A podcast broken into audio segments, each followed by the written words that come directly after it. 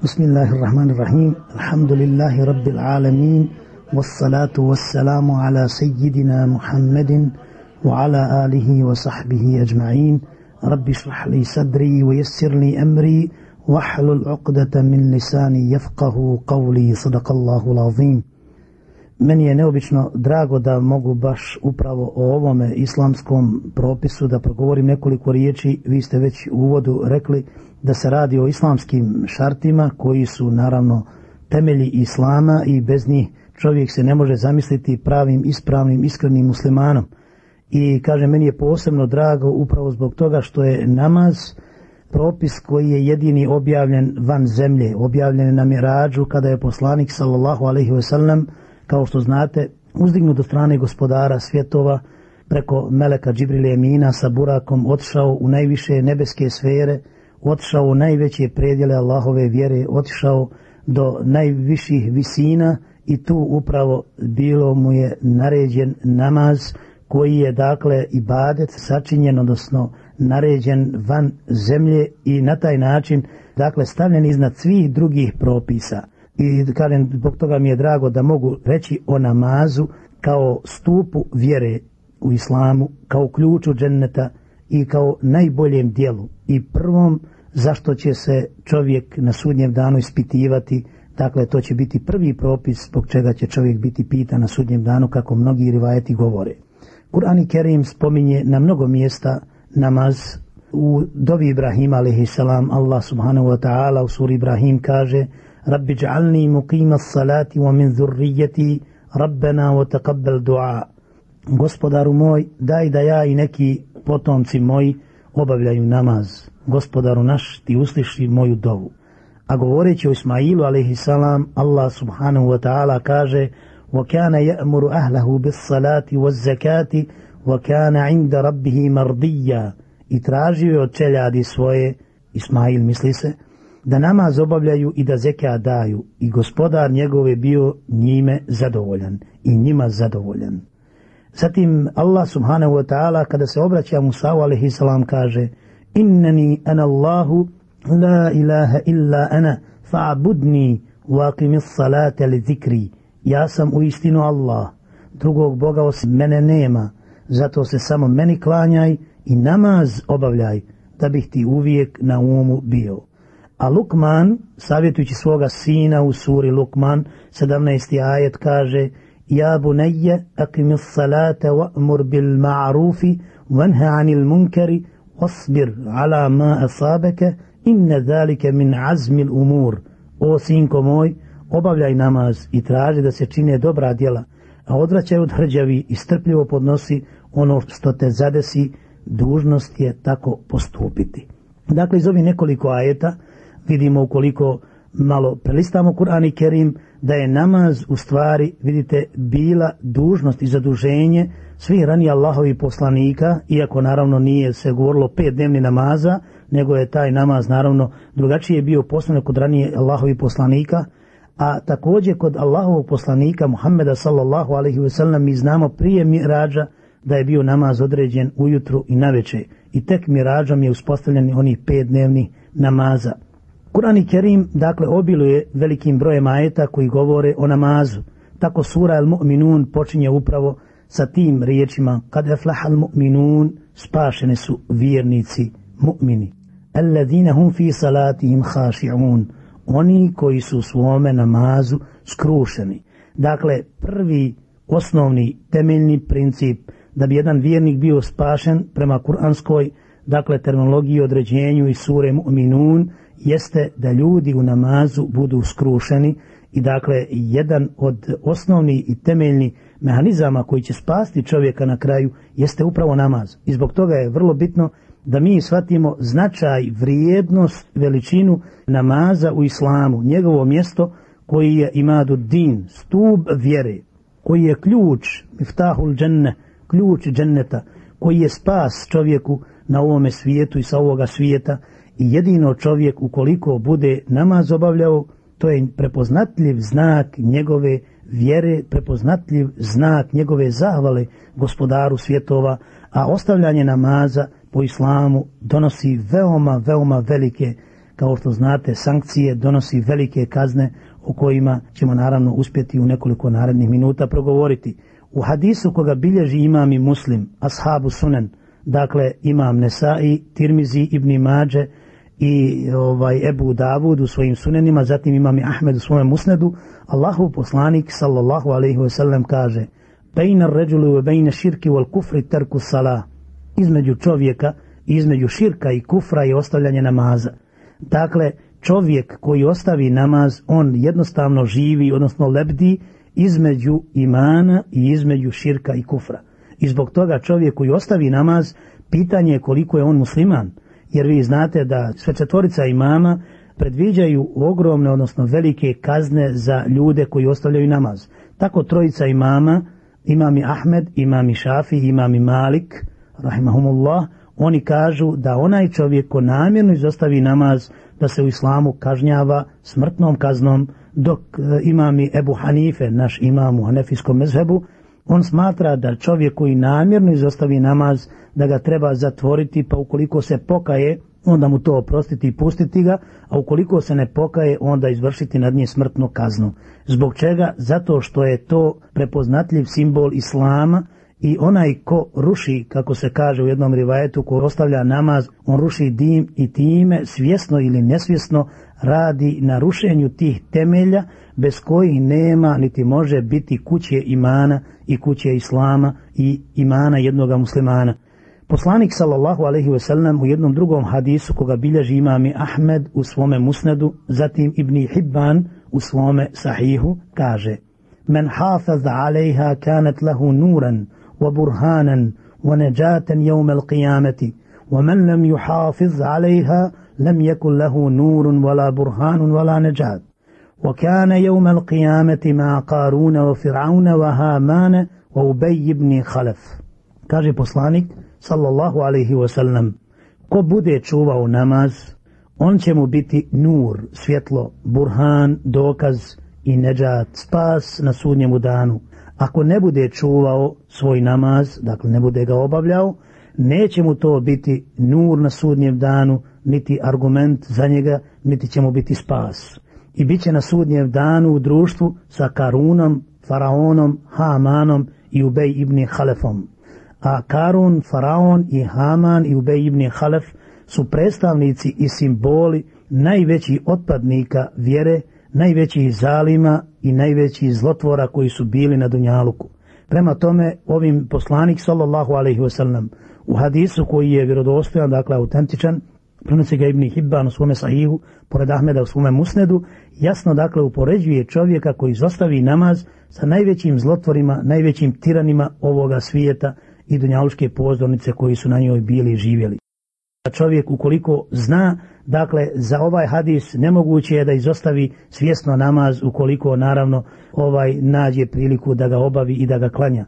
I zbog toga je za nas bitno, posebno muslimane koji živimo na ovome području i koji zavarava stalno koje kakvi dunjalučki šehveti da nas ne odvedu od namaza i njegovog obavljanja, jer namaz nije propisan da nama bude otežavajuća nekakva okolnost na ovome svijetu, nego ga je Allah subhanahu wa ta'ala propisao da nas preko njega iskuša s jedne strane, s druge strane da nas preko njega ozdravi u našem duhu, u našoj psihi i u našem, jel tako, fizičkom tijelu. I zato bi ja pokušao nešto reći o toj duhovnoj dimenziji namaza, duhovnoj i ovoj fizičkoj ili zdravstvenoj dimenziji namaza.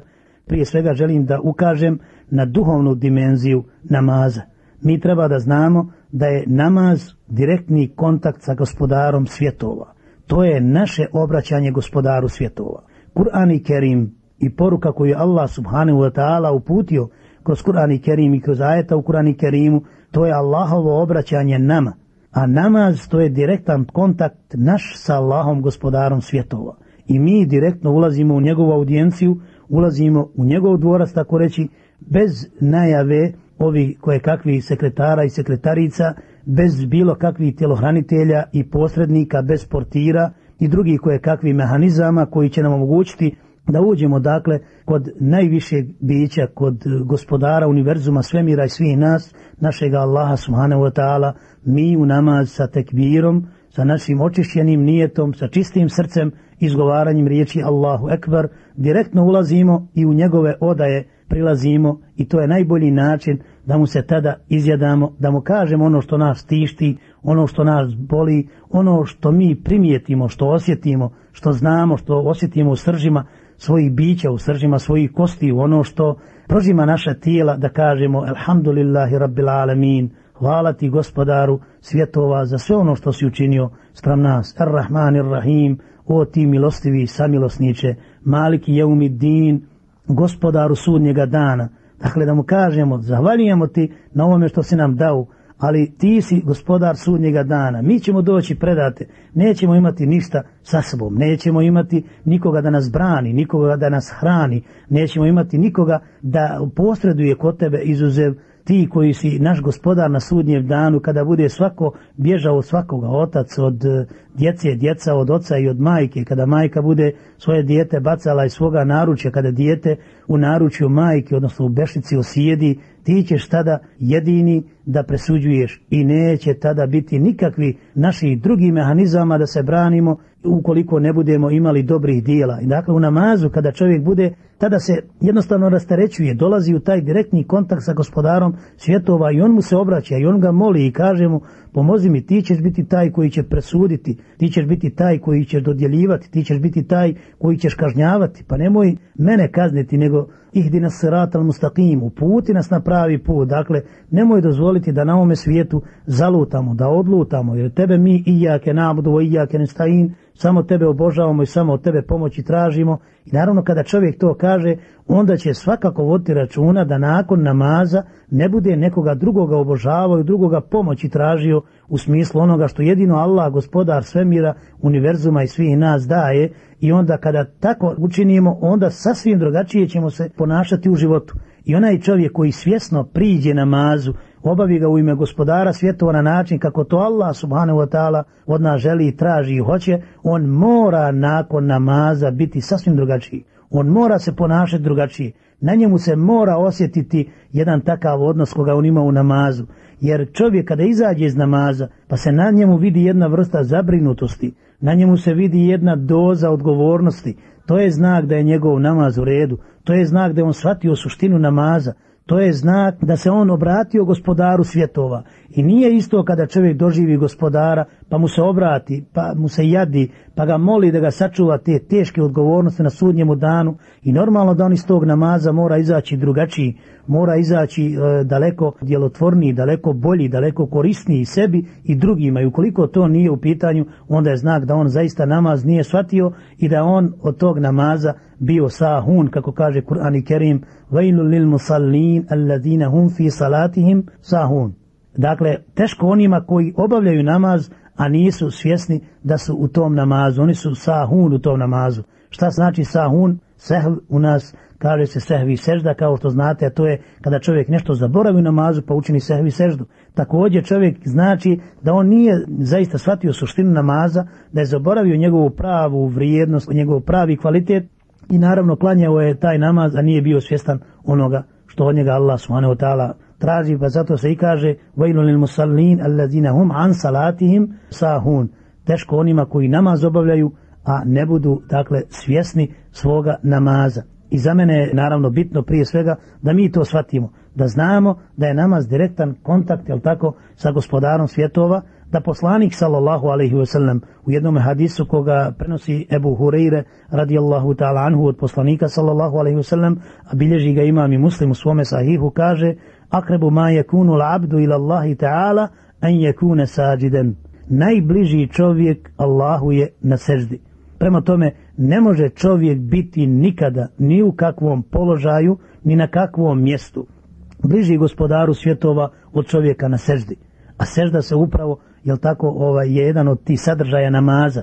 I zbog toga čovjek koji puno namaz klanja, koji dakle redovno namaz izvršava, on redovno bude Allahu najbliži. I to je naravno jedan od znakova milosti koju Allah njemu ukazuje.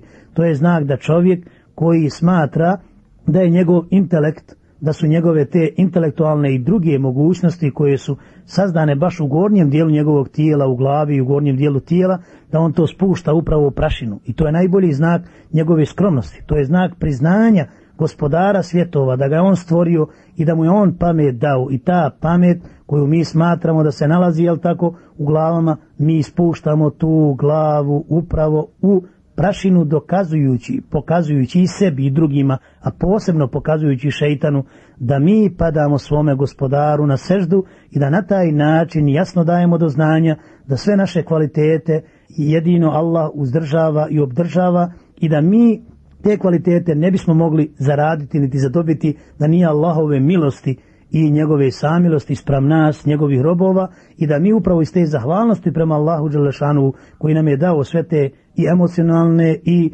fizičke i intelektualne mogućnosti mi upravo tu svoju najveću časnu stvar koju mi nazivamo pamet, koju nazivamo mozak, koju nazivamo glava, bacamo u prašinu, izražavajući na taj način našu poniznost i naše ništavilo u odnosu na gospodara svjetova.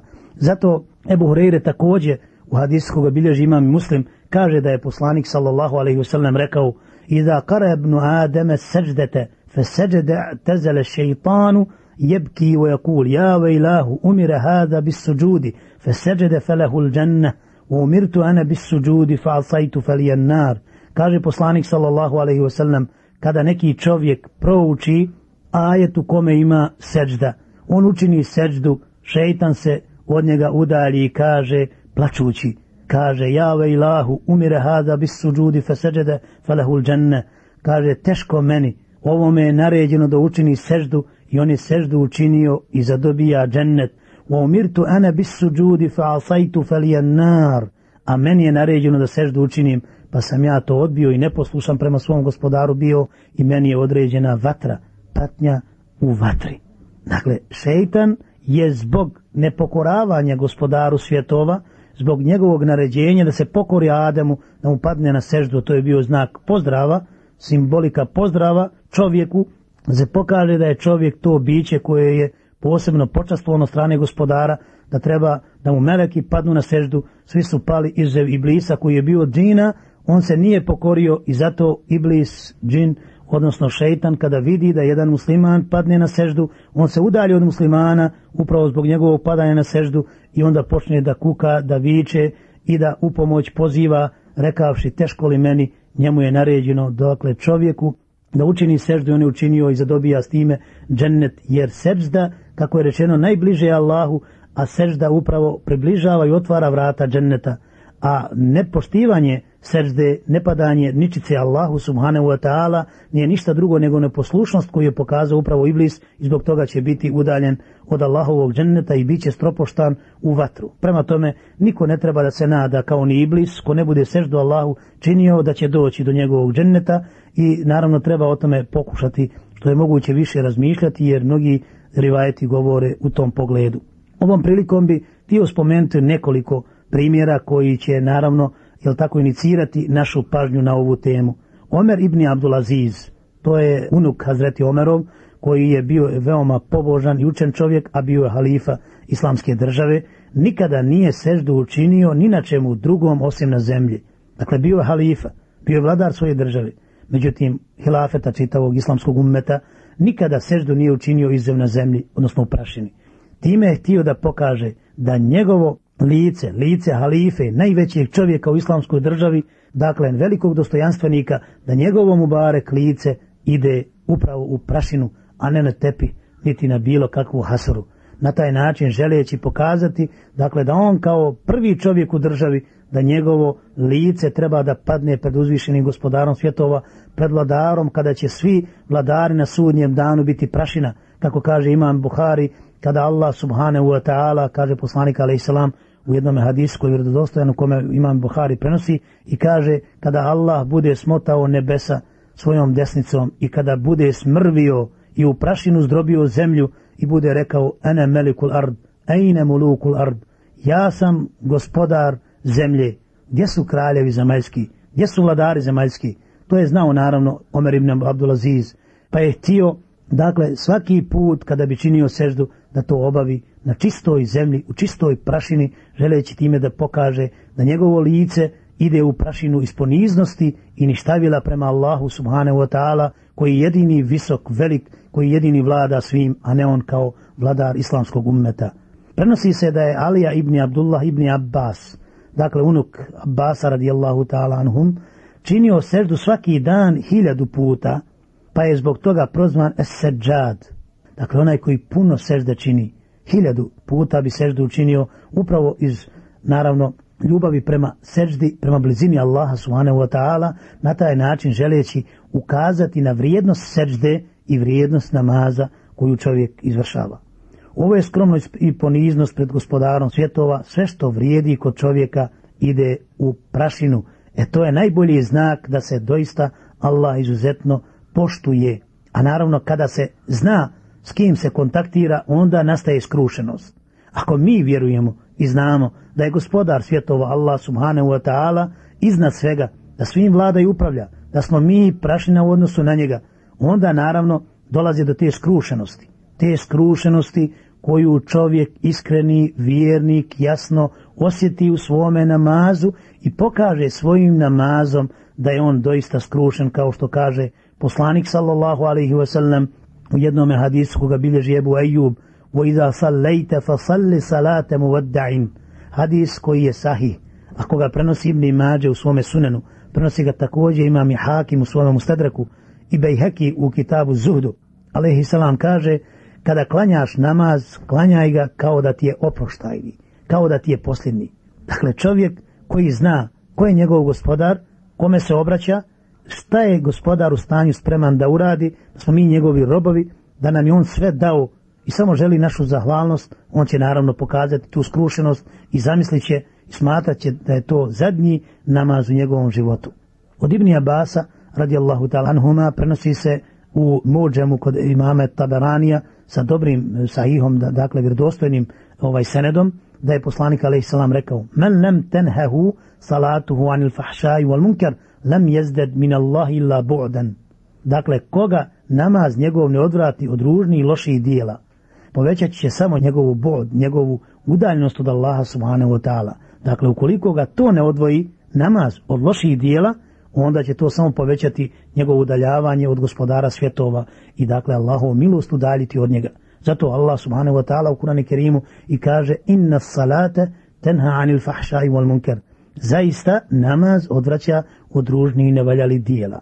Dakle, ukoliko namaz jednoga čovjeka ne odvrati od ružnih, navaljali negativnih dijela, naravno da taj namaz neće uopće biti kod Allaha subhanahu wa ta'ala priznat, jer je Kurani Kerim jasno upozorio dakle, da namaz odvraća od ružnih, nevaljali dijela. I čim vidite čovjeka da nakon namaza radi isto nedjelo, isto zlodjelo, isti prijestup, isti, kako bi rekao, odnos ima prema ljudima i prema okolini, naravno to je već znak da njegov namaz nije primljen i da Allah subhanahu wa ta'ala nije njegov namaz ukabulio, jer je cilj i svrha namaza odvraćanje od ružnih nevaljalih dijela i cilj namaza je konta sa gospodarom svjetova. A onaj ko ima konta sa gospodarom svjetova, on je prema ljudima daleko bolji. Najbolji primjer vam je životni primjer, onaj čovjek koji ima djevojku pa izuzetno je voli, pa mu ona kaže lijepu riječ, pa sa njom proašikuje, porazgovara bilo putem telefona ili direktnim kontaktom sa njom u razgovoru, ukoliko ona njega lijepo pogleda, pa se on njoj lijepo obrati, pa ona njemu, on je nakon tog razgovora veoma sretan, bez obzira, ovaj, možete njemu reći tada malo i ružniju riječ, on vam neće toliko zamjeriti, jer će te osjetiti jednu radost, jednu sreću u njegovom tom nastupu nakon tog razgovora i kontakta sa voljenom djevojkom. A čovjek koji kaže da voli gospodara svjetova, kakav bi tek trebao izaći nakon tog namaza, dakle, njegov odnos sprem drugi ljudi morao daleko biti bolji, daleko korisniji, svrsishodniji nego što je bio to prije namaza. Bekr ibn Abdullah je rekao, čovječe, ako hoćeš da uđeš vladaru, bez traženja dozvoli, da mu govoriš bez prevodioca, imaš priliku. Kada počneš klanjati, već si to učinio. Dakle, ne treba prevodioc. Čovjek, ono što kaže, ne treba da osjećaje njegove, niko prevodi Allahu. Dovoljno je da čovjek mu kaže, ja rabbi, tebi hvala, alhamdulillahi rabbil alamin. Allah to zna i ne treba sad ti govoriti, e, zaista ja rabbi, ja tebe volim, zaista ja rabbi, ja, ja tebi zahvalim. Dovoljno reći, alhamdulillahi rabbil alamin, a osjećaje Allah zna i ne treba nam prevodioc pa da govori kako vi osjećate prema njemu, jer to Allah već dobro zna, jer sve zna, svim vlada i upravlja. Allahov poslanik sallallahu alaihi wasallam navodi se u mnogim rivajetima kaže kada bi počeo da klanja namaz nikoga ne bi poznavao.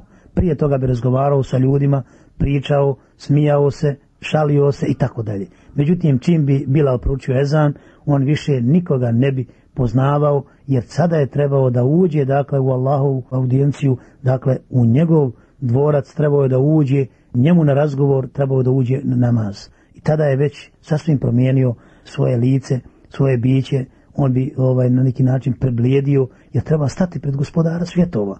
I to bi mi trebali naravno posebno uvažavati. Sejid et-Tanuhi, kaže se, kada bi klanjao namaz, suze mu nisu prestajale teći sa njegovi obraza i po njegovoj bradi. Dakle, od tog osjećaja zadovoljstva pred svojim gospodarom, on bi plakao i suze su mu tekle od zadovoljstva i od osjećaja odgovornosti da li će namaz biti primljen, da li će mu Allah to ukabuliti, da li će ga na sudnjem danu dočekati na način kako, je, kako on misli i tako dalje. Hazreti Alija, kada bi nastupio namaz, on bi zadrhtao i promijenio bi boju svoga lica, navodi se u brojnim predajama. I naravno iz toga se jasno zaključuje doista da prvi muslimani, kada bi ušli u namaz, oni su imali sasvim drugačiji osjećaj nego, nažalost, što mi danas imamo.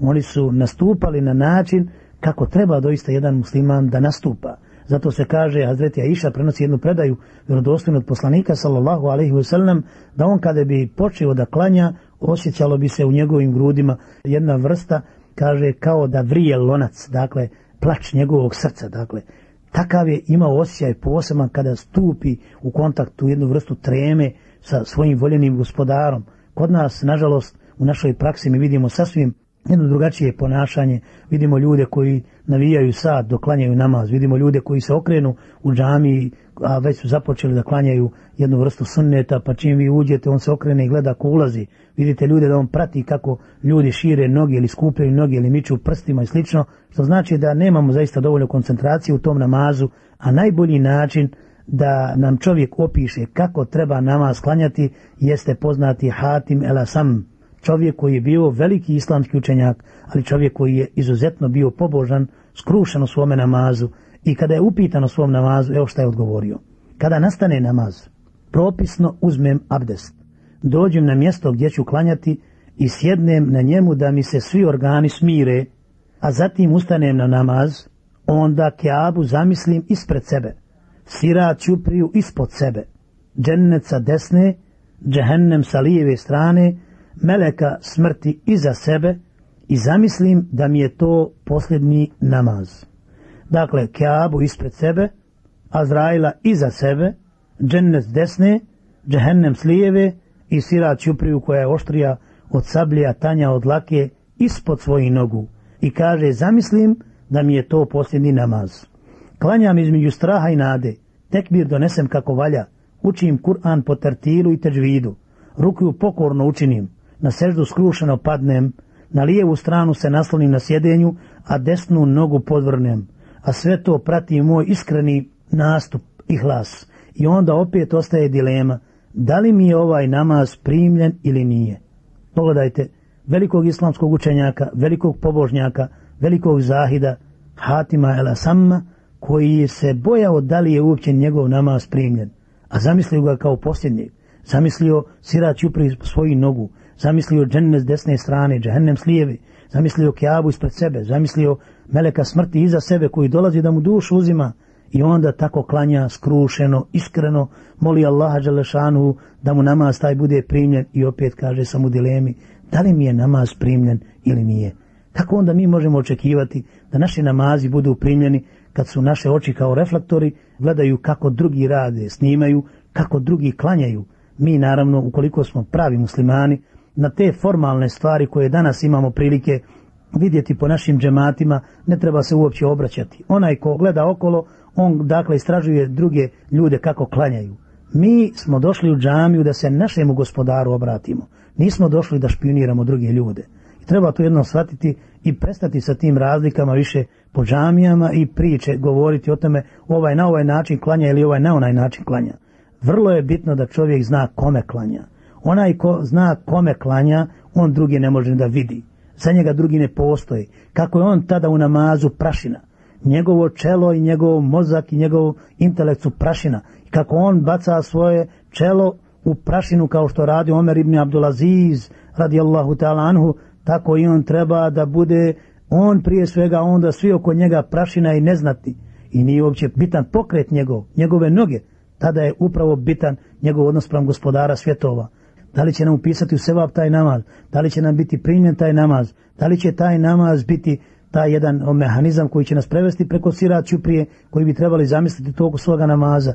Naravno kada bi čovjek tako razmišljao, pitanje da li bi mogli pratiti druge kako klanjaju, kao što se danas radi u našim džematima i očito je da mi musallije, namaščije, nemamo drugoga posla izgleda u džami, nego prati kako drugi klanjaju i to izgleda naš jedini cilj u namazu i oko namaza. Da li smo klanjali, da li nismo, da li smo digli ruke ili smo ispustili, da li smo više raširili noge ili nismo. I to je ono što uopće nije nigdje zabilježeno u ranijim čitabima da je neko pratio takvu vrstu poslova i rada ukoliko čovjek smatra da on se svom gospodaru obraća, onda je on i njegov gospodar i kad si u džematu, ti i tvoj gospodar te sami, nije onaj tvoj komšija, ti nećeš odgovarati za njegov namaz, nego ćeš odgovarati za svoj namaz. Pa prema tome, vodi računa o svome namazu, a ne o komšinskom namazu, jer ti nećeš odgovarati za njegov namaz, nego za svoj namaz. I tamo se kaže u hadismu da će prva stvar zbog koje će čovjek biti odgovoran njegov namaz, a ne od komšije namaz. Da li je širio noge ili nije, da li je ruke spuštao ili je na drugačiji način vezao, nego ti i tvoj namaz. Pa ako smatraš da je tvoj namaz ispravan, da, da je ispravno kako ti klanjaš, onda klanja i ne gleda na druge. Jer tvoj namaz i tvoj gospodar i ti ste tu i ti ulaziš njemu direktno i nemoj se obraćati na drugoga i drugoga pokazivati i na njega upirati prstom, jer ti i tvoj namaz ste ovaj tada pred tvojim gospodarom. Ibn Abbas kaže, dva rekata kako treba da klanjam sa razmišljanjem, bolji su od klanjanja čitave noći bez razmišljanja i svijesti o namazu.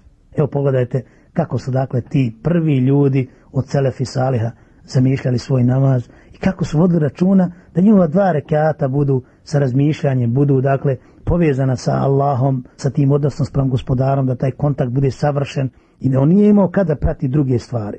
Poslanik sallallahu alaihi wasallam jedne prilike je sa mimbera bacio prsten rekavši šegaleni hada nazraten ilaihi mu nazraten ilaikum. Hadis bilježi imam Nesai, a sened mu je sahih. Šta se kaže ovim? Ovim se kaže da je poslanik a.s. bacio prsten sa mimbere onoga momenta kada mu je pogled na neki način povukao za sebom i nije gledao u svoja shabe govoreći im sa mimbera, nego je pogledao slučajno u taj svoj prsten. Čim je pogledao u prsten, uzeo je i bacio ga sa mimbere, nije mogao čekati kraj hudbe, nego je rekao, on me spriječio da gledam u vas, nego sam pogledao u njega i u vas. Prema tome, vidite koliko je poslanik sallallahu alejhi ve sellem odbacivao sve ono što ga odvodi od namaza, od hudbe, od ibadeta. A mi u svom namazu čak vidimo kako neko miče prstom, kako širi ili skuplja noge. I to je najbolji način, dakle, da nemamo namaza. I ja smijem odgovorno tvrti da onaj ko prati u namazu šta ko rade, on nema namaza i najbolje da malo spava dok mu ne dođe lijep nijet, pa da pročisti svoju dušu, pa da onda stane u namaz da ga klanja kako treba. Drugi primjer najbolje ukazuje na to također. Ebu Talha radijallahu talanu je klanjao jednom svom voćnjaku, koji ga je u toku namaza zadivio, pa je svoj pogled upućivao po njemu tako da mu izgledalo kao i da nije u namazu. Naime, jedna je ptica naletla u njegovo vrijeme u njegove bašti, a on klanjao namaz i on je za njom pogledao i nakon namaza je došao poslaniku, ali i salam, rekao, ja Rasulallah, uva sadakatun, fada'u hajsu šet kaže, ja rasulullah ovo je sadaka, dakle ovo je moj vakuf i slobodno tu baštu daj gdje god hoćeš. Samo što ga je jednom u namazu dok je klanjao u toj bašti, odveo pogled za to pticom u njegovoj prelijepoj bašti koja je bila jedna od najljepših u Medini. On je odmah tu baštu poklonio islamskoj državi, odnosno islamskom ummetu i muslimanima, nazvaši je sadakom, odnosno vakufom.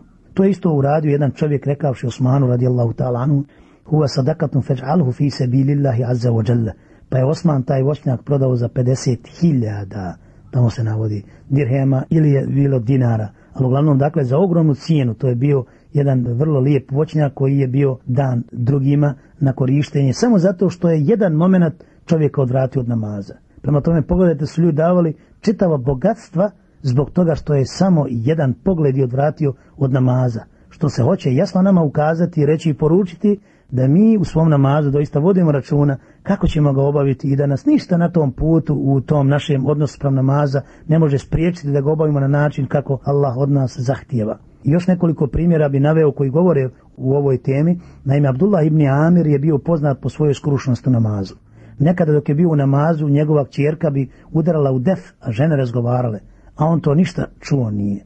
To znači da nije imao prilike čuti, zato što je bio u kontaktu sa Allahom i nije mogao čuti nešto što lazi sa strane.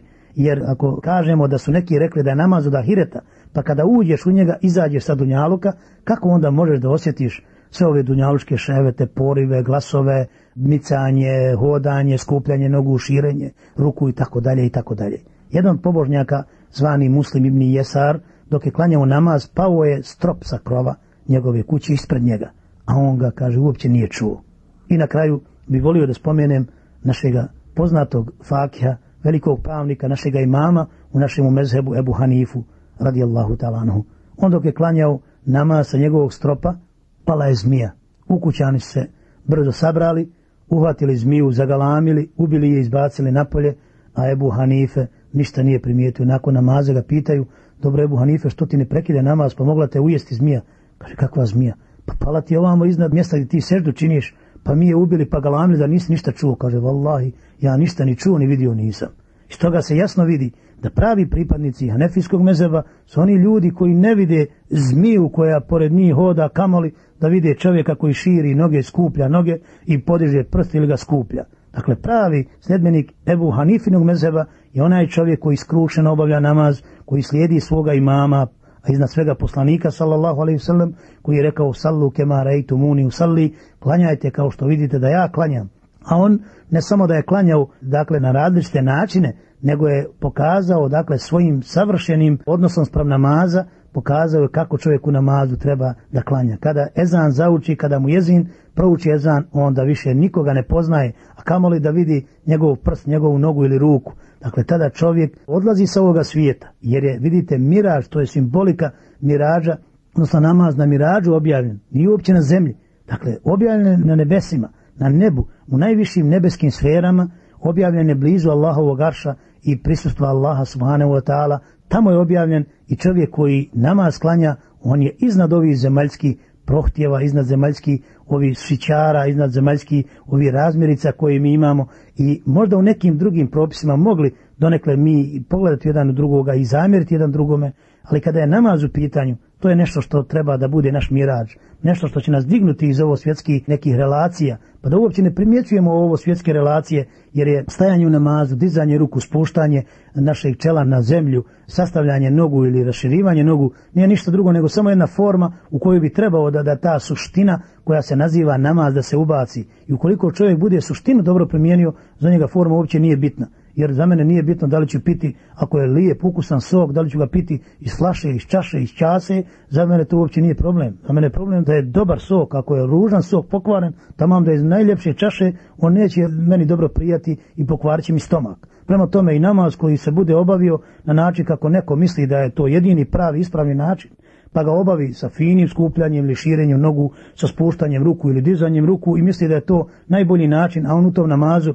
gleda druge, prati druge, špionira druge, kasnije govori, vidi kako je onaj uradio, šta je onaj od tog namaza, naravno nema ništa. I džaba što ga on učinio na najbolji način, nije suštinu završio, dakle nije suština prava. I to je ono što je bitno u namazu, a ne ovo što mi imamo. I zbog toga kažem, taj duhovni odnos u namazu, ta duhovna komponenta je za nas vrlo bitna. Pa to je taj kontakt sa gospodarom svjetova. Ukoliko mi taj kontakt ne ostvarimo, džaba naše noge, džaba ruke, džaba micanje ili prsti koji su mirni u namazu, nema od toga ništa. Taj namaz neće biti primljen. Ne se ne prima tu skupljanje nogu, ni širenje nogu, nego se prima naš odnos pram gospodara svjetova, naš kontakt, naš osjećaj, naša ljubav, naša suza koju pustimo u tom pogledu, na naša bojazan koju osjetimo pred gospodarom svjetova, naše treperenje, naš strah, to je ono što drži namaz ono što sam ja imao prilike kod naših ljudi kada sam za vrijeme rata uspio jednom obići naše ljude u Austriji i u Beču kod nekih naših bošnjaka sam gledao jednu emisiju koju su oni snimili na austrijskoj televiziji. I to je zaista svakog muslimana naravno zadivilo. Naime emisija je bila posvećena sportu zdravstvenom aspektu sporta. I ranije se kaže govorilo u ranijim emisijama o raznim vrstama sporta. I na kraju u sportske aktivnosti ubrajan i namaz. I jedan od voditelja je dobio jednog ljekara, jednog od velikih ljekara, iskusnih ljekara iz Austrije i pitao ga o važnosti namaza kao fiskulturnoj sportskoj disciplini koja pomaže ljudima u njihovom zdravlju. I onda je na, na televiziji bio prikazan jedan mladić koji klanja namaz. A ovaj ljekar je obrazlagao, analizirao i komentirao svaki pokret. Njegovo dizanje ruku kod iftitahi tekbira, kod donošenja riječi Allahu Ekber. Zatim njegovo vezanje ruku, njegovo spuštanje na ruku, njegovo dizanje sa rukua, njegovo spuštanje na seždu, njegovo lice koje je bilo na seždi, noge, zatim zavrtanje desne noge, naslanje na lijevu nogu i na kraju predavanje salama na desnu i na lijevu stranu. I za svaki od ovih pokreta on je donio jedan naučni argument, dokaz, jedan sa medicinskog aspekta govorio o važnosti toga. Šta znači dizati ruke, šta znači ići na ruku, šta znači na seždu, šta znači čak od selama, predavanja salama na desnu i na lijevu stranu, koliko je to vrijedno, važno i poželjno za pršljenove u vratu jednog čovjeka. I zaista ja kad sam gledao tu emisiju od možda od svega pola sata, našao sam bezbroj ti vrlo, vrlo, vrlo, dakle, dragocijeni elemenata koji su dovoljni da čovjek koji zna o tome kad ne bi ni vjerovao u vrijednost duhovnu namaza, on bi morao praktično da to obavlja kao jednu vrstu sportske discipline koja pomaže izuzetno čovjeku za razvoj njegovog tijela, za razvoj njegovog bića, za njegovu elastičnost koju on ima kod sebe. I na taj način bi to sasvim bilo dovoljno da čovjek prihvati i da klanja namaz kada bi zapostavio sve ove duhovne vrednote koje namaz u sebi nosi. Međutim, to je jedan od aspekata, ovaj medicinski, zbog toga ja nisam se puno na njega osvrtao, ovaj zdravstveni, ali hoću samo da kažem da čak ljudi na zapadu o tome razmišljaju i govore. I onda je ovaj novinar pitao ljekara, dobro, kad smatraš da je tako namaz vrijedan, što kaže ti ne pređeš na islam? A ovaj ljekar se samo osmijene. Dakle, nije rekao ni da je prešao, ni da nije, niti da neće preći, nego se osmijehnuo na ovu zapitanost ovoga novinara. Iz toga se jasno zaključuje, dakle, da i Zapad uočava vrijednost namaza, dakle, tog njegovog fizičkog aspekta, a kamoli mi muslimani koji znamo da to ima svoju veliku svrhu, jer sve što je Allah propisao nije ni zbog čega drugo, nego zbog čovjeka i poradi čovjeka i poradi koristi koju čovjek ima u svakom tom propisu. Međutim, svrha namaza je ono što je Kurani Kerim prije svega rekao. To je njegova glavna, osnovna, temeljna, dakle i fundamentalna njegova preokupacija, to je inna salate tenha anil fahšaj wal munker. Doista namaz odvraća od ružnih nevaljali dijela. To je njegova osnovna, temeljna poruka i to bi trebao da namaz da nas da bude. Jer čovjek koji kontaktira sa gospodarom svjetova ne može biti onakav kakav je bio prije namaza. Zatim, pogledajte kako je Allah subhanahu wa ta'ala odredio vrijeme namaza. Imate ujutru čim se budite jedan namaz, pa imate ga u podne, pa imate ga između podne i jakšama, pa imate ga tek kad sunce zalazi, imate ga na kraju kada sunce skroz zađe i kada nastupi noć. Allah subhanahu wa ta'ala je mogao sve to dati u jednom vremenskom periodu intervalu da obavimo ujutru ili na večer. Međutim, vidite kako je to Allah subhanahu wa ta'ala precizno rasporedio na pet vremenskih intervala, zbog čega? Zbog toga što čovjek brzo zaboravlja, zbog toga što čovjek, ukoliko nema kontakta sa gospodarom svjetova, ode u neku krajnost. Međutim, kada čovjek pet puta stupi u kontakt sa gospodarom svjetova, jedan direktni kontakt bez posrednika i bez portira i koje kakvi sekretarica, na taj način se jasno onda čovjek naravno opredjeljuje. Sasvim je drugačiji, sasvim drugačije nastupa osjeća odgovornost prema gospodaru svjetova i sprem okoline u kojoj živi i sasvim bude daleko plemenitiji, bolji, ljubazniji, ljepši prema ljudima, njegov odnos je ljepši, njegov odnos je daleko korisniji i tako dalje. I naravno, to je svrha namaza. I ukoliko imamo čovjeka nakon namaza daleko plemenitijim, boljim, korisnijim ljudima, to je znak da je zaista namaz primljen i da mu se Allah smilovao, a ukoliko nema iza namaza isti način poslovanja, ukoliko iza namaza čovjek koji je do juče uzmao u zemlju svome komši, pa iza namaza ponovo to čini, ogradu pomalo krči da bi mu onaj zauzeo njegov jedan metar njegove zemlje, onda je to znak da njegov bešvakat namaz nije bešvakat namaz i njegov namaz će biti, kako Kurani Kerim kaže, vejnu ili musalnin, teško namašćijama. Pa prema tome nemojte da nas naš namaz bude proklinjao. nemojte da naš namaz bude nešto što će nam biti teret na sudnjemu danu, nego kada obavljamo naš namaz, da ga doista obavimo u ime gospodara svjetova i da nam to bude naš zalog, da nam to bude naše dijelo koje će nas čekati i u kaboru i koje će biti taj odbrambeni mehanizam protiv svih iskušenja u kaboru i vi znate da će svako dobro dijelo biti na neki način otjelovljeni vojnik ili odbrambeni mehanizam ili mladić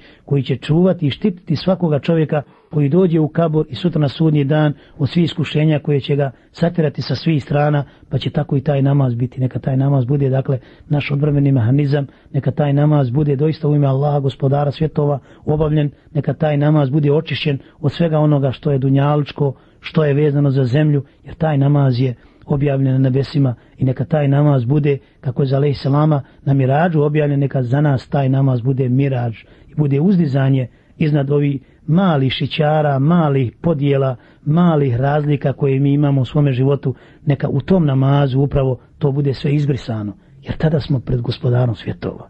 Nemojmo tad gledati u ljude, gledajmo gospodara svjetova. Nemojmo razgovarati s ljudima, razgovarajmo sa gospodarom svjetova. Nemojmo brinuti šta će ljudi reći. Gledajmo kako se obrati Allahu, kako mu svoju dušu otvoriti, kako mu reći ono što želimo, kako zamoliti ga da nas spasi, kako ga zamoliti da nam, da nam spusti svoj rahmet, merhamet i tako dalje. To je ono što bi trebao namaz od nas da učini i to je ono što mi trebamo učiniti sa našim namazom.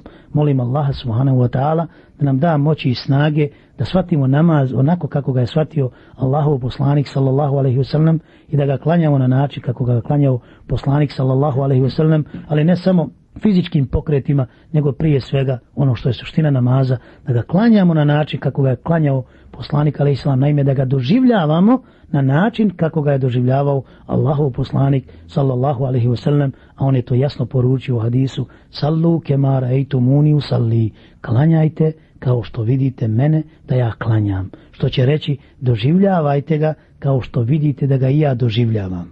Pa molim Allaha da nam u tome pomogne, da naše razlike više prestanu trajati kada je u pitanju namaz, a da taj naš odnos prema Allaha zaista bude očišćen od svih vidova ti mali razlika i ti mali zavrzlama koji nas često odvode od njegove prave suštine.